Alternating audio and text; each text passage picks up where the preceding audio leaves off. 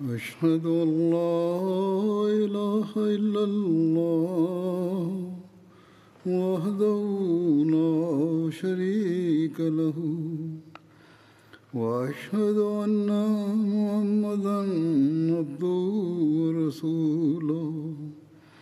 أما بعد فأعوذ بالله من الشيطان الرجيم. بسم الله الرحمن الرحيم. الحمد لله رب العالمين. الرحمن الرحيم. مالك يوم الدين. إياك نعبد وإياك نستعين. اهدنا الصراط المستقيم صراط الذين أنعمت عليهم غير المغضوب عليهم ولا الضالين Ovih dana govorio sam o životu Hazreti Omer radijallahu anhu.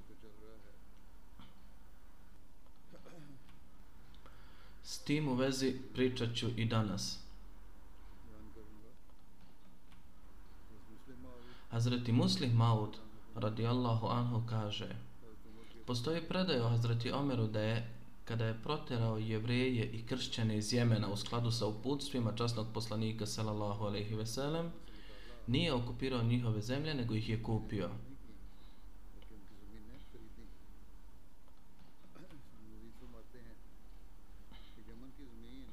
Dalje se navodi da jemenska zemlja koja je bila pod kršćanima i jevrejima bila je danak. Ali kada je Hazreti Omer radijallahu anhu uzeo tu zemlju od jevreja i kršćana i protjerao iz arapskog poluostrva, unato činjenici da je ta zemlja bila danak i u principu vlada se smatrala njenim vlasnikom, nije im otimao zemlju, već je nju kupio.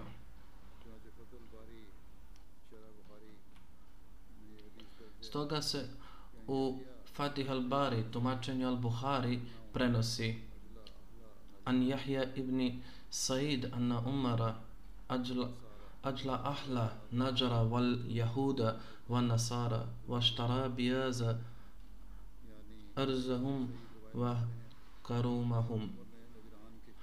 Odnosno Jahja ibn Said prenosi da je Hazreti Omer deportirao mušrike iz Nadžara i jevreje i kršćane odatle i kupio njihove zemlje i vrtove. Očito zemlja jevreja ne može biti desetina, jer da je desetina bila bi u vlasništvu muslimana.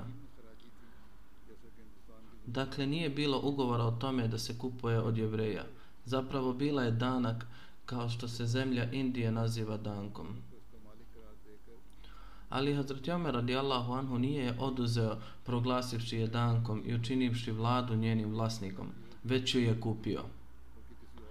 Možda će neko reći da ova zemlja nije bila danak ili desetina, već neka druga vrsta. Tada će ta ideja biti beskorisna i to će biti znak nepoznavanja islamskog zakona. U islamu nema zemlje osim desetine ili danaka, osim što ona leži napuštena i nema svog jednog jedinog vlasnika. Dakle, zemlje jevreja, kršćana i mnogobožaca Nadžara morale su biti danak ili desetina. Ali u oba slučaja njihov vlasnik, Hazreti Omer, proglasio ih je okupatorima i zemljište je od njih bilo kupljeno.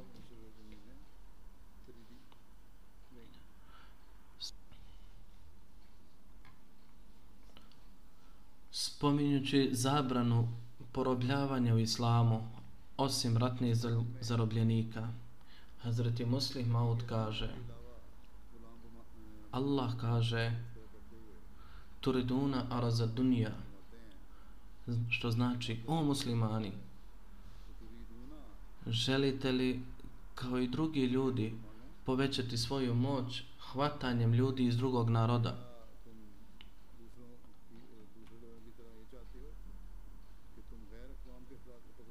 Wallahu yuridu Wallahu yuridul ahira. Allah ne želi da vi krenete za dunjalukom. Umjesto toga želi vas uputiti do onoga što je najbolje za vas u pogledu ishoda. A na drugom svijetu omogućit će vam da zaslužujete Allahovo zadovoljstvo. A ova vam je naredba bolja u pogledu dobrog ishoda i Allahovog zadovoljstva, da ne zarobite ljude osim onih koji su zarobljeni tokom rata. U islamu nije dozvoljeno praviti zarobljenike bilo koje vrste, osim ratnih zarobljenika.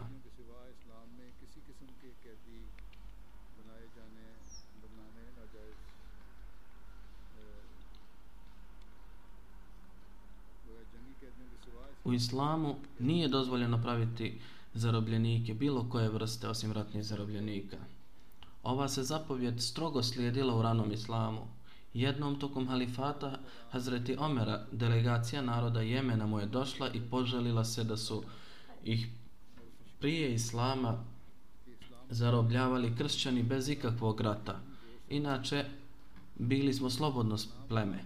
Oslobodi da nas od ovog robstva. Hazreti Omer radijallahu anhu rekao je da se incident dogodio prije Islama, ali ja ću ga uzeti na razmatranje. Ako ste u pravu, bit ćete odmah oslobođeni.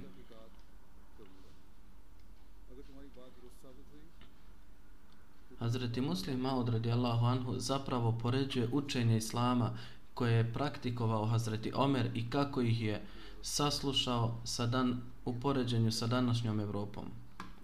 Ali šta se događa u Evropi? Evropa je nastavila ropstvo da bi promovisala svoju trgovinu i poljoprivredu do početka 19. vijeka. Nema sumnje da istorija Islama otkriva i neislamsko ropstvo. Ali još uvijek nema ni traga domaćem komercijalno, komercijalnom ili industrijskom razvoju kroz robove. U islamu ne postoji ovaj koncept. Jednom je u vrijeme Hazreti Omera bila velika glad.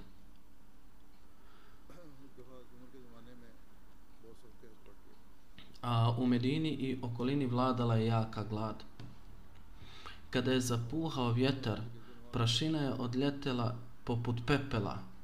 Zbog toga je ova godina proglašena Amur Ramada, odnosno godinom pepela.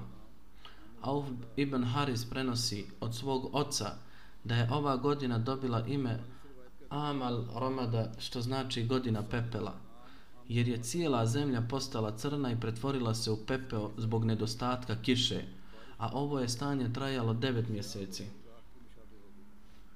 Hizam ibn Hisham prenosi od svog oca da su ljudi, kad su se vratili sa hađa 18. hidžretske godine, bili teško pogođeni. Suša se proširila u zemlji. Goveda su umirala i ljudi su umirali od gladi, sve dok, li- sve dok ljudi nisu samljali trulu u koštanu sržu vodi i popili je. I počeli su kopati mišije rupe i vaditi sve što se u njima nalazilo. Prenosi se od Hazreti Ibni Omera da je Hazreti Omer bin Hatab napisao pismo Hazreti Amr bin Al Asu u, u Amu Ramadu. Bismillahirrahmanirrahim. Asi bin Asi, od Božije groba Omera, Amir, Amirul Mu'minina, Bog te blagoslovio. Da li želite da vidite mene i one koji su sa mnom kako umirem? A vi ste živi i oni koji su sa vama su živi. Postoji li neko ko može pomoći? Pa je napisao tri puta pomoć, pomoć, pomoć. Hazreti Amr bin As je na ovo napisao Bismillahirrahmanirrahim Nema drugog Boga osim Allaha prema njegovom robu Još malo sačekajte, brzo vam stiže pomoć Šaljem vam karavan Kamila od koji će prva biti s vama, a posljednja sa mnom.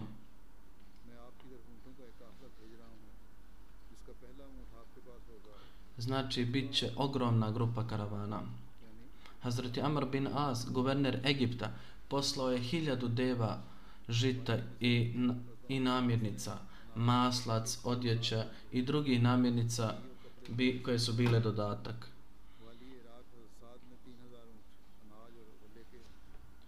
Hazreti Sad, guverner Iraka, poslao je 3000 deva žita, odjeće i tako dalje.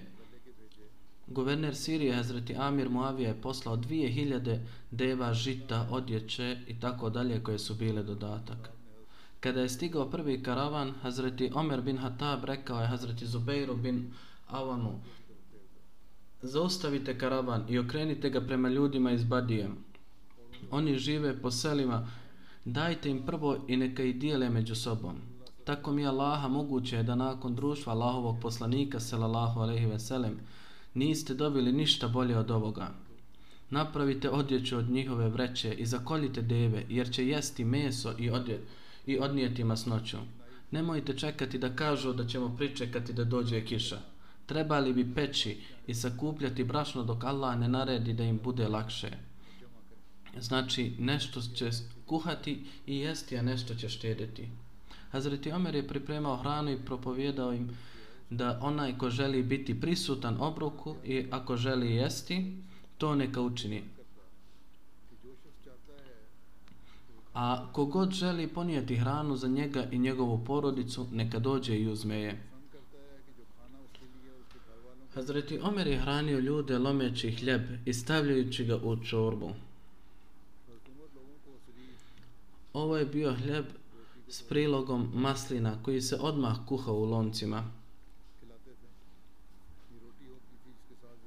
Kamile su bile zaklane, a Zreti Omer je također jeo sa ljudima kao i ostali. Abdullah ibn Zaid ibn Aslam prenosi od svog djeda Aslama da je Hazreti Omer znao stalno postiti. U Amur Ramadi uveče Omeru bi se dostavio hljeb, pomiješan sa maslinovim uljem.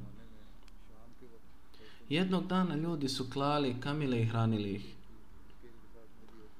Čuvali su dobar komad mesa za Hazreti Omera, a kada je taj dio donesen Hazreti Omeru, u njemu su bili komadi lakta i jetre. Omer je pitao, otkud je ovo? Rečeno mu je, o Amirul Mu'minin, ovo je jedna od deva koje smo danas zaklali. On je rekao, teško mi je, teško mi je. Koliko bi bio loš vođa ovog naroda kada bi, bi, kada bih pojao dobar dio i hranio ljude otpadom. Uzmi ovu posudu i donesi mi drugu hranu. Pa tako su mu donijeli hleb sa maslinom i uljem. Potom je slomio hljeb vlastitim rukama i od njega napravio pastu. Zatim je pozvao svog slugu i rekao mu je Neka te Allah blagoslovi, ponesi ovu hranu čovjeku iz smaka. Smak je vlastita bašta hurmi Hazreti Omera, koja se nalazila blizu Medine i Hazreti Omer ju je uvakufio. Hazreti Omer mu je rekao, zadnja tri dana nisam im ništa davao, mislim da su gladni, pa im dostavio ovu hranu. Od Ibni Omera se prenosi da je u danima gladi Hazreti Omer učinio jednu novu stvar koju nije učinio prije. Vodio bi jaciju namaz, pa zatim bi ulazio u njegovu kuću i obavljao namaze do kraja noći. A zatim bi izlazio i šetao oko Medine. Jedne noći čuo sam ga kako, kako je dobio. Allahumma la la tajal halaka ummata Muhammedin ala yadi Gospodaru moj, nemoj uništiti ummet Muhammeda u mojoj ruci. Muhammed ibn Jahja ibn Haban prenosi da je u danima gladi Omeru jednom donesen hljeb umočen u maslac. Pozvao jednog beduina i on je sjeo sa njim. Užurba, užurbano je počeo uzimati masnoću sa ivice posude. Na to mu je Hazreti Omer rekao, hraniš se kao da nikada nisi vidio maslac. Rekao je, sigurno već duže dana nisam jeo maslac ili masline i nisam ni vidio da je iko jede. Čuši to, Hazreti Omer se zakleo da neće ni okusiti meso ni maslac, dok ljudi ne počnu živjeti kao prije. Ibn Taus prenosi od svog oca da Omer nije jeo meso ili maslac, dok ljudi nisu počeli živjeti normalno. I zbog nekorišćenja maslaca i stalnog upotrebljavanja ulja, stomak mu je počeo urlati. Sam bi svom stovaku pričao, urlaj ti koliko hoćeš, ali kunem se Bogom, osim ovoga nećeš ništa dobiti dok se ljudi ne vrate u prethodno stanje i počnu jesti kako su prije jeli. A Jaz bin Halifa kaže da sam vidio Hazreti Omera u gladnoj godini kako je pocrnio, iako je nekada bio bijel. Mi smo se pitali kako se to dogodilo. Prenosilac je rekao da je Hazreti Omer bio Arapin koji je koristio maslac i mlijekom. Ali je zabranio sebi ove stvari kad je narod zadesila glad, sve dok se situacija nije promijenila. Hazreti Omer je jeo hranu sa uljem koje mu je promijenilo boju. A kada je stalno gladovao, ta se boja još više promijenila. Usama ibn Zaid ibn Aslam prenio je od svog djeda da smo govorili da će ako Allah ne ukloni glad, Omer umrijeti od brige za muslimanima. Zaid ibn Aslam prenosi od svog oca da su ljudi iz cijele Arabije dolazili u Medinu u vrijeme gladi. Hazreti Omer je naredio ljudima da se brinu o njima i hrane ih. Hazreti Omer dodijelio je dužnosti raznim ashabima oko Medine koji su se okupljali uveče i davali mu vijesti o svakom trenutku. Od jutra do večeri svi detalji su mu bili doneseni i uveče on bi bio informisan i obavješten o situaciji. Beduini su dolazili u različite dijelove Medine. Jedne noći kada su ljudi pojeli večeru, Hazreti Omer je rekao prebroj one koji su večerali s nama. Dakle, kad su ih prebrojali, bilo je oko 7000 ljudi. Tada je rekao, broj one koji nisu došli i bolesnike i djecu. Kada su prebrojali, bilo je 40.000. Nakon nekoliko dana broj se povećao. Broj onih koji su jeli s njim izbrojanje do de, oko 10.000, a ostalih 50.000. I tada se nastavilo sve dok uzvišeni i tako se nastavilo sve dok uzvišeni Allah nije spustio kišu. Kada je pala kiša, vidio sam kako je Hazreti Omer naredio svojim službenicima da se pobrinu za povratak svih ljudi u njihova područja, a također da im osiguraju žito i konje. Prenosilac kaže da sam vidio Hazreti Omera lično kako dolazi da ih isprati. Kad su stvari krenule na bolje, zbog gladi ljudi iz okoline su došli u, zbog gladi ljudi iz okoline su došli u grad i ovdje su dobivali hranu. Kada se situacija popravila, bilo je kiše i moglo, i moglo bi biti poljoprivrede i tako dalje. Onda je on rekao da se vrati naporno, rade i urede svoja polja. U istoriji Tabarija zapisano je o kraju ove gladi, da je jedan čovjek sanjao san prema kojem je poslanik sallallahu alejhi ve sellem usmjerio pažnju na dovu. Kada je Omer ovo najavio među ljudima da će se klanjati istika namaz, Hazreti Omer je rekao da je nevolja došla do krajnjih granica i da će sada na kraju ona, ako Bog da, završiti. Narod koji je blagoslovljen molitvama trebao bi shvatiti da su njegove nevolje nestale. nestale. Napisano je pismo upravnicima drugih gradova i tražeći od njih da klanjaju namaz iz tiska za narod Medine i okoline, jer je njihova teškoća došla do krajnjih granica. Hazreti Omer je okupio muslimane vani radi istika namaza. Održao je kratku hudbu sa Hazreti Abbasom i klanjao namaz, a zatim je kleknuo i počeo moliti. Allahumma ijaka na'budu wa ijaka nasta'in. Allahumma magfir lana warhamna warza'na. O Allahu, mi jedino tebe obožavamo i samo od tebe pomoć tražimo. Allahu, oprosti nam, smiluj nam se i budi zadovoljan s nama. Potom se vratio. Još nisu stigli kući kada se polje zbog kiše pretvorilo u ribnjak. Prema jednoj predaji Hazreti Omer je molio O Allahu, u vrijeme vašeg poslanika sallallahu alejhi ve sellem, kada je bila suša, molili smo za kišu u ime tvog poslanika i ti bi slao kišu na nas. Danas se molimo tebe za poslanikovog sallallahu alejhi ve sellem amidžu. Zato okončaj ovu našu glad i spusti kišu na nas.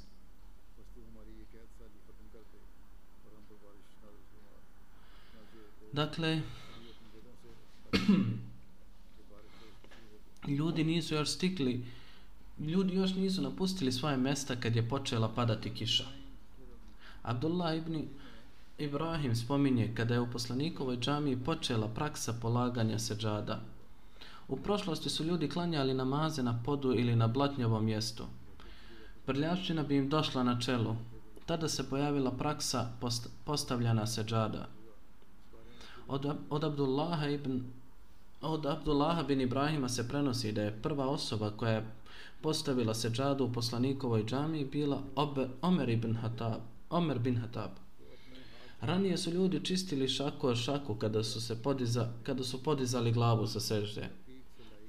Na to je naredio postavljane seđada koje su donijete iz Akika i postavljene u poslanikovu džamiju. Akik je također ime doline koje se proteže od jugozapada Medine do sjeverozapada na oko 150 km. U vrijeme Hazreti Omera poslanikova džamija je također proširana u 17. hijđarskoj godini. Prenosi se od Hazreti Abdullah ibn Omera da je u vrijeme poslanika sallallahu alejhi ve sellem džamija bila od opeke od blata čiji je krov bio od grančica palmi i lišća a, stupo, a stubovi od palmini i debla. Hazreti Omer, Hazreti Ebu Bekar Sidik radi Allahu anhu ostavio je onakvu kakva je bila i nije je produžio i, ili promijenio. Hazreti Omer ju je obnovio i proširio, ali nije promijenio oblik i stil gradnje. Gradio je u, u sličnom stilu. Krov je ostao isti kao prije od palminog lišća. Dodao je samo drvene stubove. Hazreti Omer je završio izgradnju džamije u 17. hijđarskoj godini pod njegovim nadzorom. Nakon ovog proširenja, površina džamije povećala se sa 50 puta 50 metara na oko 70 puta 60 metara. Ova predaja pokazuje da je u vrijeme Zretijevu Bekra poslanikova džamija ostala ista kao i u vrijeme poslanika sallallahu alejhi ve sellem. Ali je obnavljanjem Hazreti Omera bila znatno proširena. Od Abu Saida al-Hudrije prenosi se da je Azreti Omer naredio da se poslanikova džamija obnovi i da se preduzmu aranžmani za zaštitu ljudi od kiše. Međutim, crveno-bijeli ukras treba izbjegavati, jer upravo ukras tjera čovjeka da pati. Hazreti Omer je koristio štedljivost i sagradio džamiju u istom stilu kao nekada u vrijeme poslanika sallallahu alejhi ve sellem. Proširujući džamiju morali su uzeti susjedne kuće na sjevernoj, južnoj i zapadnoj strani. Neki ljudi su dobrovoljno darovali svoje zemljišta za džamiju, a za neke Azreti Omer mora usvojiti metod, metod zajedničkog dogovora i, nov, i novčani podsticaj, pa je morao kupiti nešto zemlje i dodati je džamiji.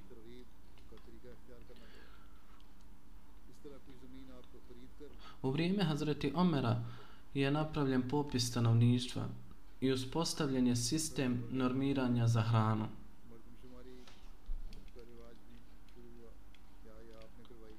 Hazreti Muslim Maud radijallahu anhu pisao je ovome u, kontekst, u kontekstu kako je vođena islamska vlada i kakve su se promjene dogodile i koje su nove stvari stvorene u administrativnim poslovima.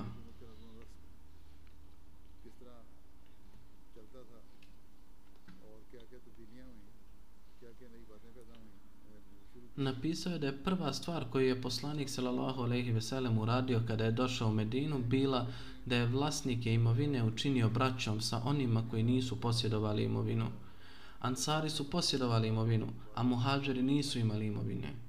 Poslanik sallallahu alejhi ve sellem uspostavio je bratski odnos između Ansarija i Muhadžira. A vlasnici imanja su jedan po jedan bili spojeni sa onima bez omine.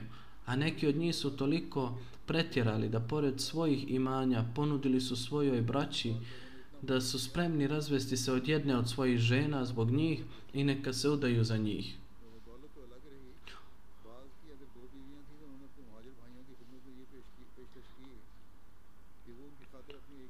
Ovo je bio prvi primjer jednakosti koji je poslanik sallallahu alejhi ve sellem uspostavio kada je otišao u Medinu, jer je u Medini zapravo postavljen temelj vlasti. U to doba nije bilo puno bogatstva.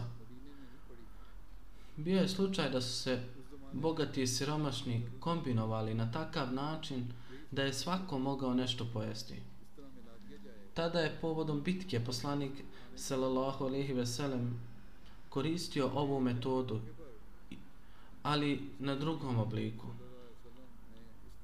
Uvidevši ovu situaciju, poslanik sallallahu alejhi ve sellem rekao je: Ko ima bilo šta, donesite i sakupite na jednom mjestu. Dakle, sve je donijeto i on je odredio obroke. Kao da je ovdje došla ista metoda da svi trebaju dobiti hranu dok je bilo moguće I dok je bilo moguće, svi su jeli odvojeno. Ali kada je to postalo nemoguće i postojala je opasnost da će neki ljudi ogladnjeti, poslanik sallallahu alejhi ve sellem je rekao: Nije vama dozvoljeno da jedete odvojeno. Sada će svi dobiti jednaku hranu s jednog mjesta. Odluč, odlučeno je na osnovu prikladnosti. Nije uspostavljena ni jedna ideologija socijalizma ili komunizma.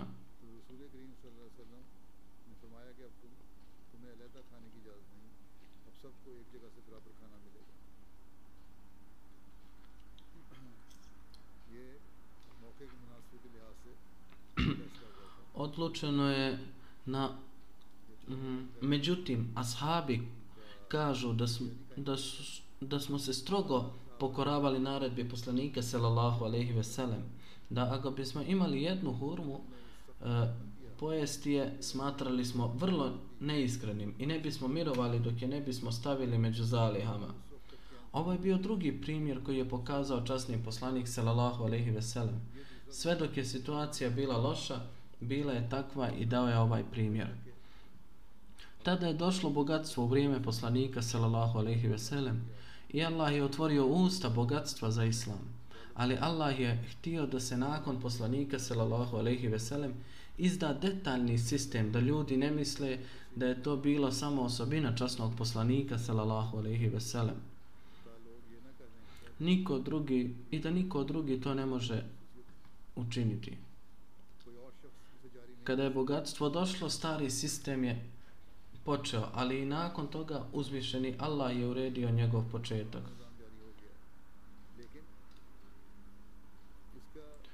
On je napisao, Hazreti Muslim Audi je napisao kako se to desilo. Tako je s jedne strane uzvišeni Allah dao primjer iz, iz ruke poslanika sallallahu alejhi ve sellem. S druge strane, došavši do Medine, Ansari su svoje bogatstvo predstavili muhadžrima. Muhađiri su rekli, nismo spremni uzeti ovu, ove zemlje besplatno. Radit ćemo na tim zemljama kao poljoprivrednici i dat ćemo vam vaš dio. Ali ovo je bio izraz želje sa strane muhađira. Ansari nisu okrivali dati svoje imanja i to isto kao da vlast nekome da hranu i on je ne prihvati. Ovo neće kriviti vladu. Reći, reći će se da je vlada odradil, odredila obrok. Sada je do druge osobe hoće li to uzeti ili ne. Na isti način Ansari su dali sve. Druga je stvar koju muhađeri nisu uzeli. U stvari poslanik sallallahu alejhi ve sellem započeo ovo djelo u svom životu. Čak i kada je kralj Bahreina postao musliman, uputio ga je da oni koji u njegovoj zemlji nemaju zemlju za život, da se daje po četiri dirhema, da im se daje po četiri dirhema i odjeću svakom od njih, kako ne bi bili gladni i goli. Nakon toga, bogatstvo je počelo teći među muslimanima. Tada broj muslimana je bio mali, naspram bogatstva. U to vrijeme nije bilo potrebe za uvođenjem novog zakona, jer svrha se ispunjavala. Princip je da zakon treba donijeti kada postoji opasnost, a kada nije vla, a kada nije vlada smije donijeti zakon ili ne. Tada je uslijedio drugi detalj onoga što sam upravo počeo govoriti. Eto tako je nastao ovaj sistem nakon poslanika sallallahu alejhi ve sellem. Kada je poslanik sallallahu alejhi ve sellem preselio i muslimani su se počeli širiti u različite dijelove svijeta i nemuslimani su se pridružili islamu. Arapi su bili poput grupe ili jedne nacije i među sobom su uspostavili jednakost. Kada je islam stigao do različitih dijelova i u islamu su se počeli pridruživati različite nacije, postalo im je vrlo teško upravljati sredstvima za život. Konačno, Hazreti Omer je izvršio popis svih ljudi i uspostavio sistem raci, raci, racioniranja koji se nastavio do vremena Benu Omeija. Evropski historičari također priznaju da je prvi popis stanovništva izvršio Hazreti Omer radijallahu anhu. I također priznaju da je prvi popis stanovništva izvršio Hazreti Omer ne da bi ljudima oduzeo njihovo bogatstvo, već da bi sredio sistem obroka i hrane. Druge vlade provode popise stanovništva kako bi ljudi mogli postati žrtve na jagnjad i služiti vojsku. Ali Hazreti Omer nije izvršio popis stanovništva da bi ljudi postali žrtve na jagnjad, već da bi im stavili hljeb u trbuh. Koliko ljudi ima i koliko hrane treba obezbijediti. Stoga su nakon popisa svi ljudi dobili mjesečnu naknadu za hranu i ostale potrebštine po fiksnom sistemu. A to je učinjeno tako pažljivo da je u vrijeme Hazreti Omera kada je Sirija osvojena i odatle je dolazilo mnogo maslinovog ulja,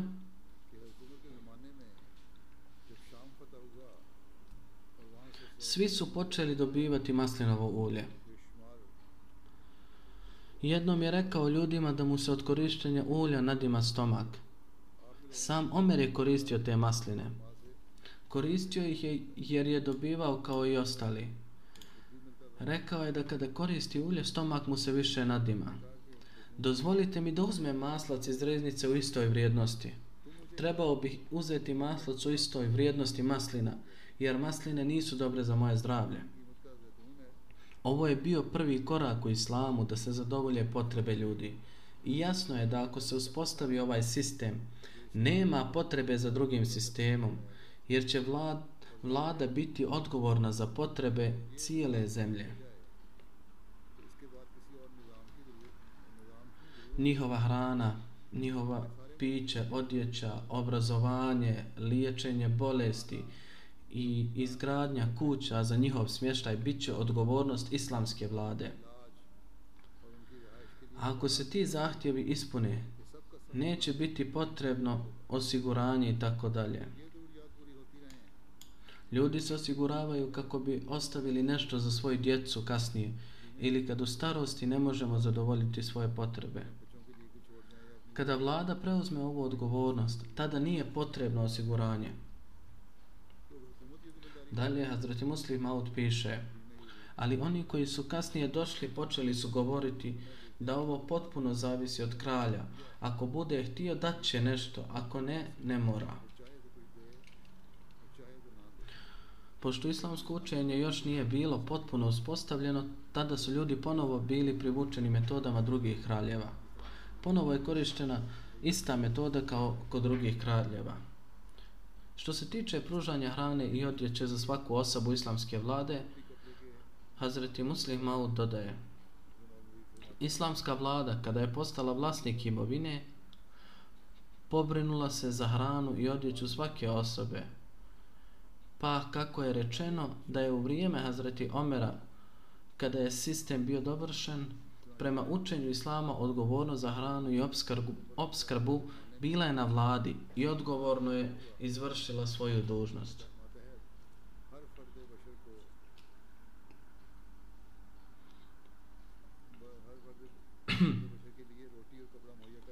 U tu svrhu Hazreti Omer izdao je metodu popisa stanovništva i otvorio registre u kojima su bila upisana imena svih ljudi.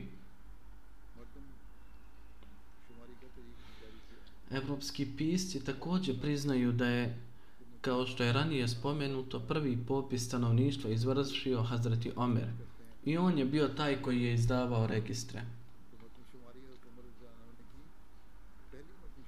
Razlog ovog popisa bio je da se svima obezbijedi hrana i odjeća, a vlada je trebala znati koliko ljudi ima u ovoj zemlji. Danas se kaže da je Sovjetska Rusija obezbijedila hranu i odjeću za siromašne.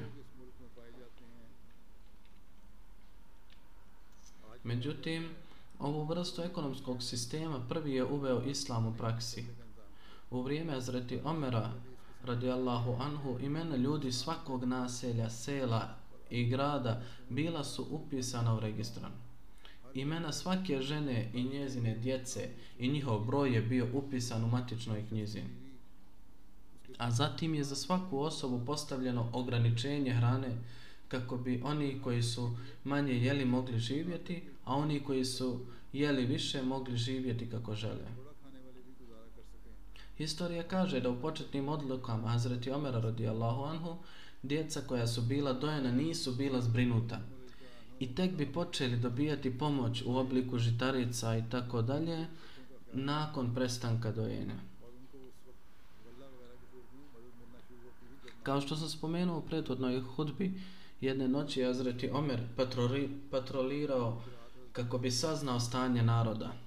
Tada je beb, beba došla plačući iz šatora. Azreti Omer je tamo ostao. Ali beba je plakala, a zatim ga je ta, a majka ga je tapkala da bi zaspala. Kada je bilo prekasno, Hazreti Omer je ušao u šator i pitao ženu, zašto ne dojiš bebu? Koliko dugo već plače? Žena ga nije prepoznala. Mislila da je on neki običan čovjek, pa je odgovorila.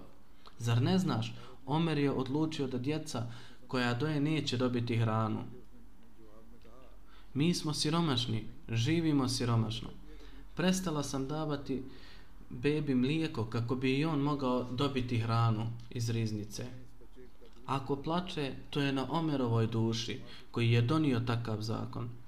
Hazreti Omer odmah se vratio i s velikom tugom počeo govoriti O Omere, Omere, ne znaš koliko je djece odvojeno od dojenja zbog ovog zakona i koliko si oslabio sljedeću generaciju. Sada ti si odgovoran za sve ove grijehe. Rekavši to, otvorio je vrata riznice i na leđima podigao vreću brašna. Neko je rekao, daj mi, ja ću ponijeti to u vreću. Hazreti Omer je rekao, ne, ja sam kriv i sada je neophodno da snosim posljedice. Tako je ženi dostavio vreću brašna i naredio je sutradan da se odvoji žito od dana rođenja djeteta, jer je njenoj majci koja je, koja je doji potrebno više hrane.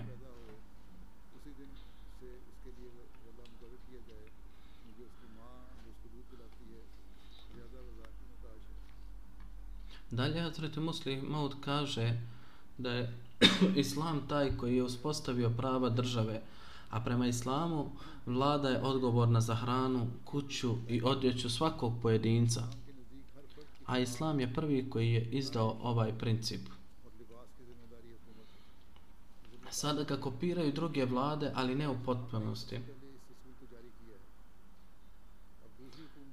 I dalje se obezbeđuje osiguranje, plaćaju se porodične penzije, ali vlada je odgovorna za hranu i odjeću, kako u mladosti, tako i u starosti.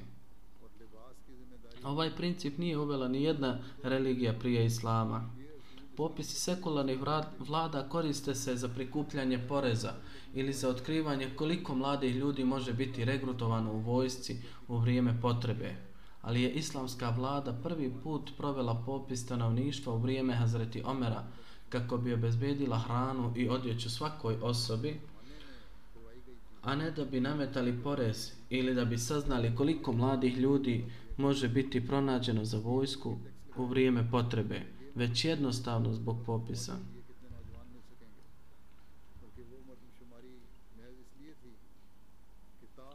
Nije bilo sumnje da je popis izvršen u vrijeme poslanika sallallahu alejhi ve sellem, ali u to vrijeme muslimani nisu imali vladu, Svrha popisa bila je jednostavno utvrđivanje broja muslimana. Prvi popus stanovništva za vrijeme islamske vladavine bio je u vrijeme Hazreti Omera i vršen je kako bi se svakom pojedincu osigurala hrana i odjeća. Ovo je važna stvar da se u cijelom svijetu uspostavi mir i samo izgovaranje prijavite se, razmotrit će se, ne može tolerira, tolerirati ponos svakog čovjeka. Prijave treba pozvati, a zatim razmotriti. Zato je Islam odabrao ovaj princip da su hrana i odjeća odgovornost vlade i dobit će i svi bogati i siromašni. Čak i ako je neko milioner, čak i ako je neko i čak i ako je daje nekome drugome tako da niko ne osjeća da se smatra inferiornim. Ako i bogati to dobiju, onda će i oni ako su pobožni dati onima u potrebi umjesto da to iskoriste. U vrijeme Hazreti Omera zemlje su bile podijeljene na provincije.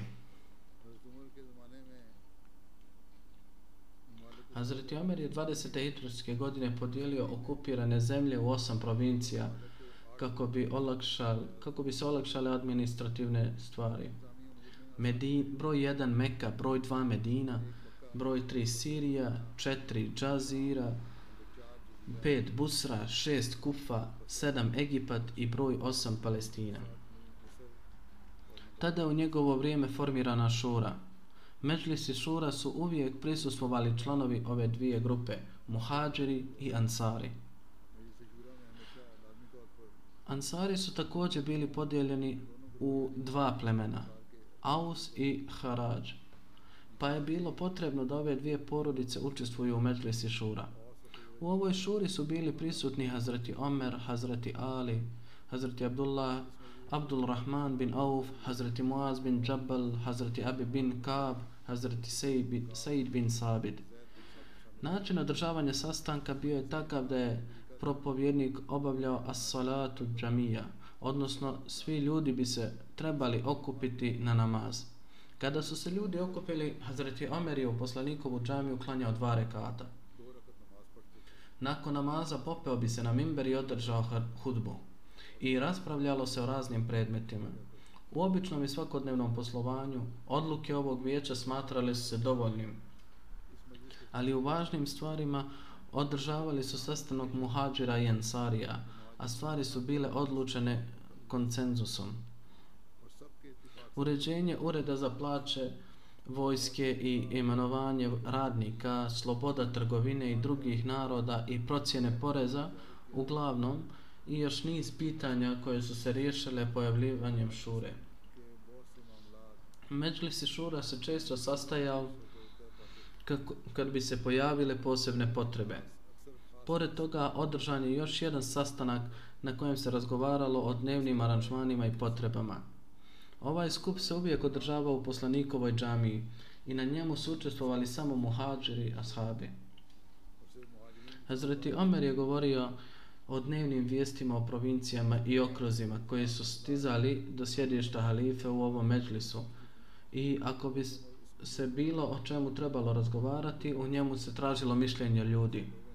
Osim članova međlisa šura, šira javnost se pitala u administrativna pitanja. Guverneri provincija i okruga često su se postavljali po želji naroda, a ponekad se i način izbora praktikovao. Prilikom izbora službenika za prikupljanje poreza u Kufi, Basri i Siriji, Hazreti Omer je poslao naredbu u tri provincije da odoberu osobu po svom izboru koja će biti poštenija i sposobnija od svih ljudi. Piše se o načinu imenovanju počinjela, počinilaca i kako bi im Hazreti Omer dao upute. Šura je imenovala službenike za opće službe, kada bi svi članovi se složili na izbor tog službenika, taj bi bio izabran. Ponekad bi guverneru provincije ili okruga slao naredbe da odabere i pošalje osobu koja je sposobnija. Pa bi Hazreti Omer izabranu osobu imenovao za po počinitelja.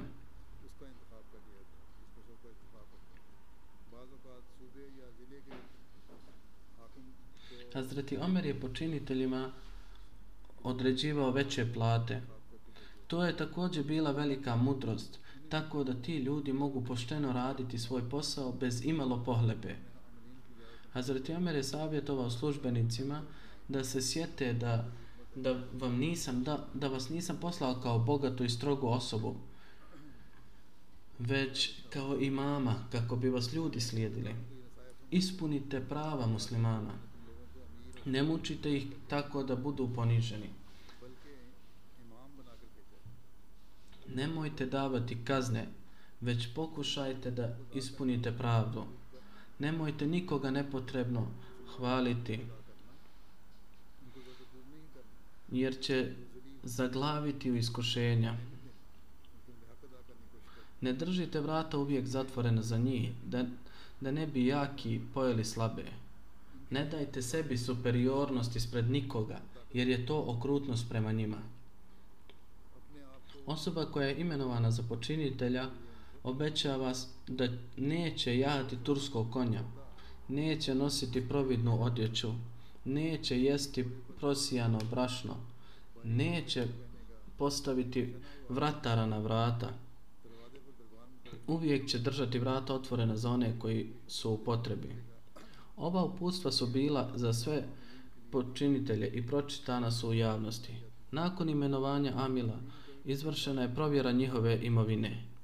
Ako bi došlo do izvanrednog poboljšanja financijskog stanja počinitelja i ne bi mogao dati zadovoljavajuće objašnjenje, bio bi kažnjen i višak bogatstva bi bio vraćen u riznici. Počini, po, počinjacima je naređeno da se obavezno okupe povodom hađa. Postoje objavni sud na kojem bi se, ako osoba ima pritužbu sa, prema počinitelju, odmah bi se to popravilo.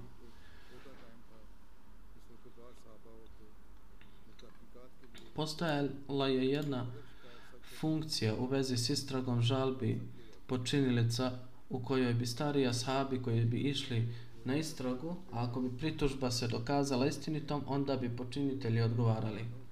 Osvrćući se na ponašanje Hazreti Omera u vezi s pritužbama protiv guvernera, Hazreti Muslim Maud piše da je ovo slučaj Hazreti Omera. Narod Kufe bili su pobun, pobunjeni, ju, pobunjenici i uvijek su se žalili na svoje guvernere da, tak, da takvi takvi sudija, taj takav ima tu manu, taj takav ima tu manu.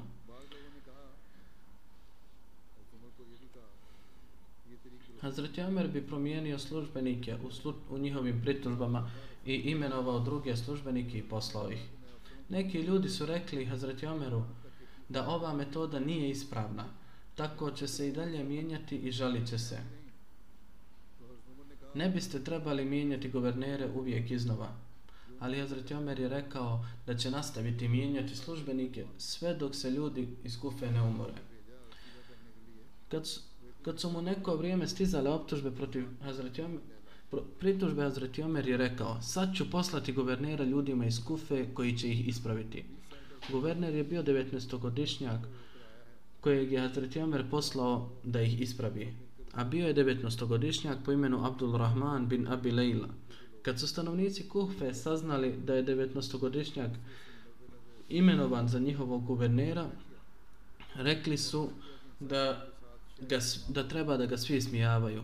Bili su to problematični i ponositi ljudi Kufe. Zajedno bi uzeli starije ljude od preko 70-80 godina i odlučili da će svi ljudi grada otići sa ovim ljudima radi dobrodošlice Abdul Rahmana i kako bi ga ismijali, pitaće ga za njegove godine. Pitali bi ga, gospodine, koliko imate godina? Kad bude odgovorio, smijat će se i ismijavati će, ismijavat će se iz činjenice da je dječak postao guverner. Dakle, prema istoj šemi izašli su na dvije ili tri milje izvan grada da ga prime. Abdul Rahman bin Abi Leila također je izašao na magarcu i svi ljudi kufe bili su postrani, a u prvom redu bili su stari poglavari. Kada je prišao Abdul Rahman ibn Abi Leila, pitali su, vi ste postavljeni za našeg guvernera, a vaše ime je Abdul Rahman. Rekao je, da. Jedan od njih, vrlo star, prišao je i rekao, gospodine, koliko imate godina? Abdul Rahman je rekao, moje godine možete procijeniti moje godine možete procijeniti moju dobi s činjenici da kada je poslanik sallallahu alejhi ve sellem poslao samo ibn Zeida kao vođu 10.000 ashaba uključujući Ebu Bekra i Omera tada je koliko je Usama imao godina naspram tome ja sam godinu dana stariji od njega. Čim su to čuli kao da je pala rosa svi su uzmaknuli posramljeni i uzmak i rekli su sve dok je ovaj dječak ovdje pripazite da ne govorite inače će vam se koža pokidati. Tako je vladao dugo vremena i stanovnici Kufe nisu mogli govoriti protiv njega. Zatim je sistem prihoda. Nakon osvajanja Iraka i Sirije, Azreti Omer je svoju pažnju usmjerio na upravljanje porezima i zemlje koje su kraljevi nasilno oduzeli lokalnom stanovništvu i davali dvorjanima i plemićima, vraćeni su lokalnom narodu. S obzirom da su Arapi koji su raštrkani u ovim zemljima neće obrađivati, to jest Arapi koji su tamo neće obrađivati tu zemlju. Prednost toga je bila što Arapi nisu bili upoznati sa poljoprivrednim iskustvom lokalnog stanovništva, e, koji imao je svoj način poljoprivrede, pa je naredio da oni koji su došli s polja neće se baviti poljoprivredom, već će se poljoprivredom baviti samo lokalni ljudi. Nekada se ljudima uzimao harač na silu. Hazreti Amer je nakon formiranja pravila o harađu, odnosno porezu, također ublažio način prikupljanja i izvršio nove amandmane. Iako se brinuo o zimimima, odnosno građanima nemuslimanima. Tokom prikupljanja harača pitao bi ljude da nije bilo zloupotrebe. Tražio je mišljenja nemuslimanskog stanovništva, koji je bilo persici i kršćani i uvažavao je njihove stavove. Za razvoj poljoprivrede Hazreti Omer je rekao o nenaseljenim zemljima da će ih posjedavati kogod ih naseli. Za to je određeno razdoblje od tri godine. Osnovan je odjel za navodnjavanje koji je također izda, izdavao kanale i pripremao ripnjake, tako da je se poljoprivreda poboljšala. Ovo su samo neke stvari koje sam nabrajao i nastavit ćemo govoriti o Hazreti Omeru. Također bi želio objaviti da je napravljena Ahmedija enciklopedija od strane Centralnog odjela za arhive i istraživački centar koji ću danas pokrenuti. Na njemu je počeo raditi, na njemu se počelo raditi prije nekog vremena i milost uzvišenog Allaha ova web stranica je sada dostupna na internetu članovima džemata.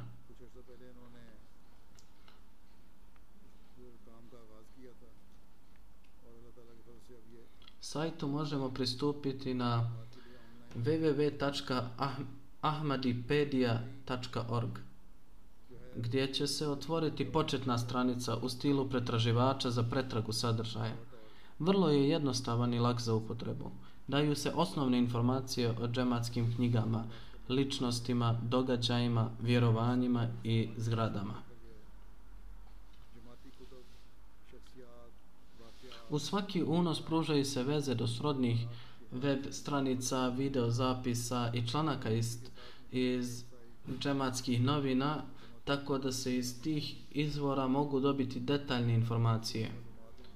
Jedna od prednosti ovih veza koje su date za, za detalje je ta što će korisnici imati pristup i drugim web lokacijama džemata Ahmedija i moći će koristiti sve novine i časopise. Članovi džamata širom svijeta imaju puno korisnih informacija koje nigdje nisu zabilježene. Postoji opcija koja se naziva doprinos na web stranici Ahmadipedia, gdje mogu pružiti svoje informacije ili dokaze ili dokumente o bilo kojoj temi. Ne da to postavite direktno, već da ga dostavite administraciji. Nakon istraživanja i provjere dostavljenog materijala, on će biti uključen u odgovarajući unos teme. Na ovaj način ova web stranica postaće trajni projekt u saradnju svih strana i bit će korisna za svakog Ahmedi, ako Bog da. Ako neko ne pronađe potreban sadržaj na web lokaciji, moći će kontaktirati Ahmedipedija i tada će se ti ljudi e, potruditi da pruže potreban sadržaj na web stranici. Ovi kažu, iako su sve ove informacije pružene iz autentičnih izvora, ako korisnik ima dokaze koji su u suprotnosti s bilo kojim informacijama, onda nam dostavite takve dokaze kako bi se istorija istraživačke grupe kasnije mogla provjeriti. Sve tehničke korake za razvoj ove web stranice učinio centralni odjer za informatiku, a s velikom je pažnjom to uradio odjel za informatiku koji uključuje svoje stalno osoblje kao i volontere. Misionari i volonteri centralnog arhivskog odjela naporno su radili na pripremi materijala i neumorno su radili na svim zadacima u svrhu prenošenja materijala prevedenog sa Urdu. Radili su naporno i svi oni koji su radili na ovom web sajtu, neka je Allah nagradi, iako Bog da, nakon džuma namaza pokrenuću ovaj web sajt.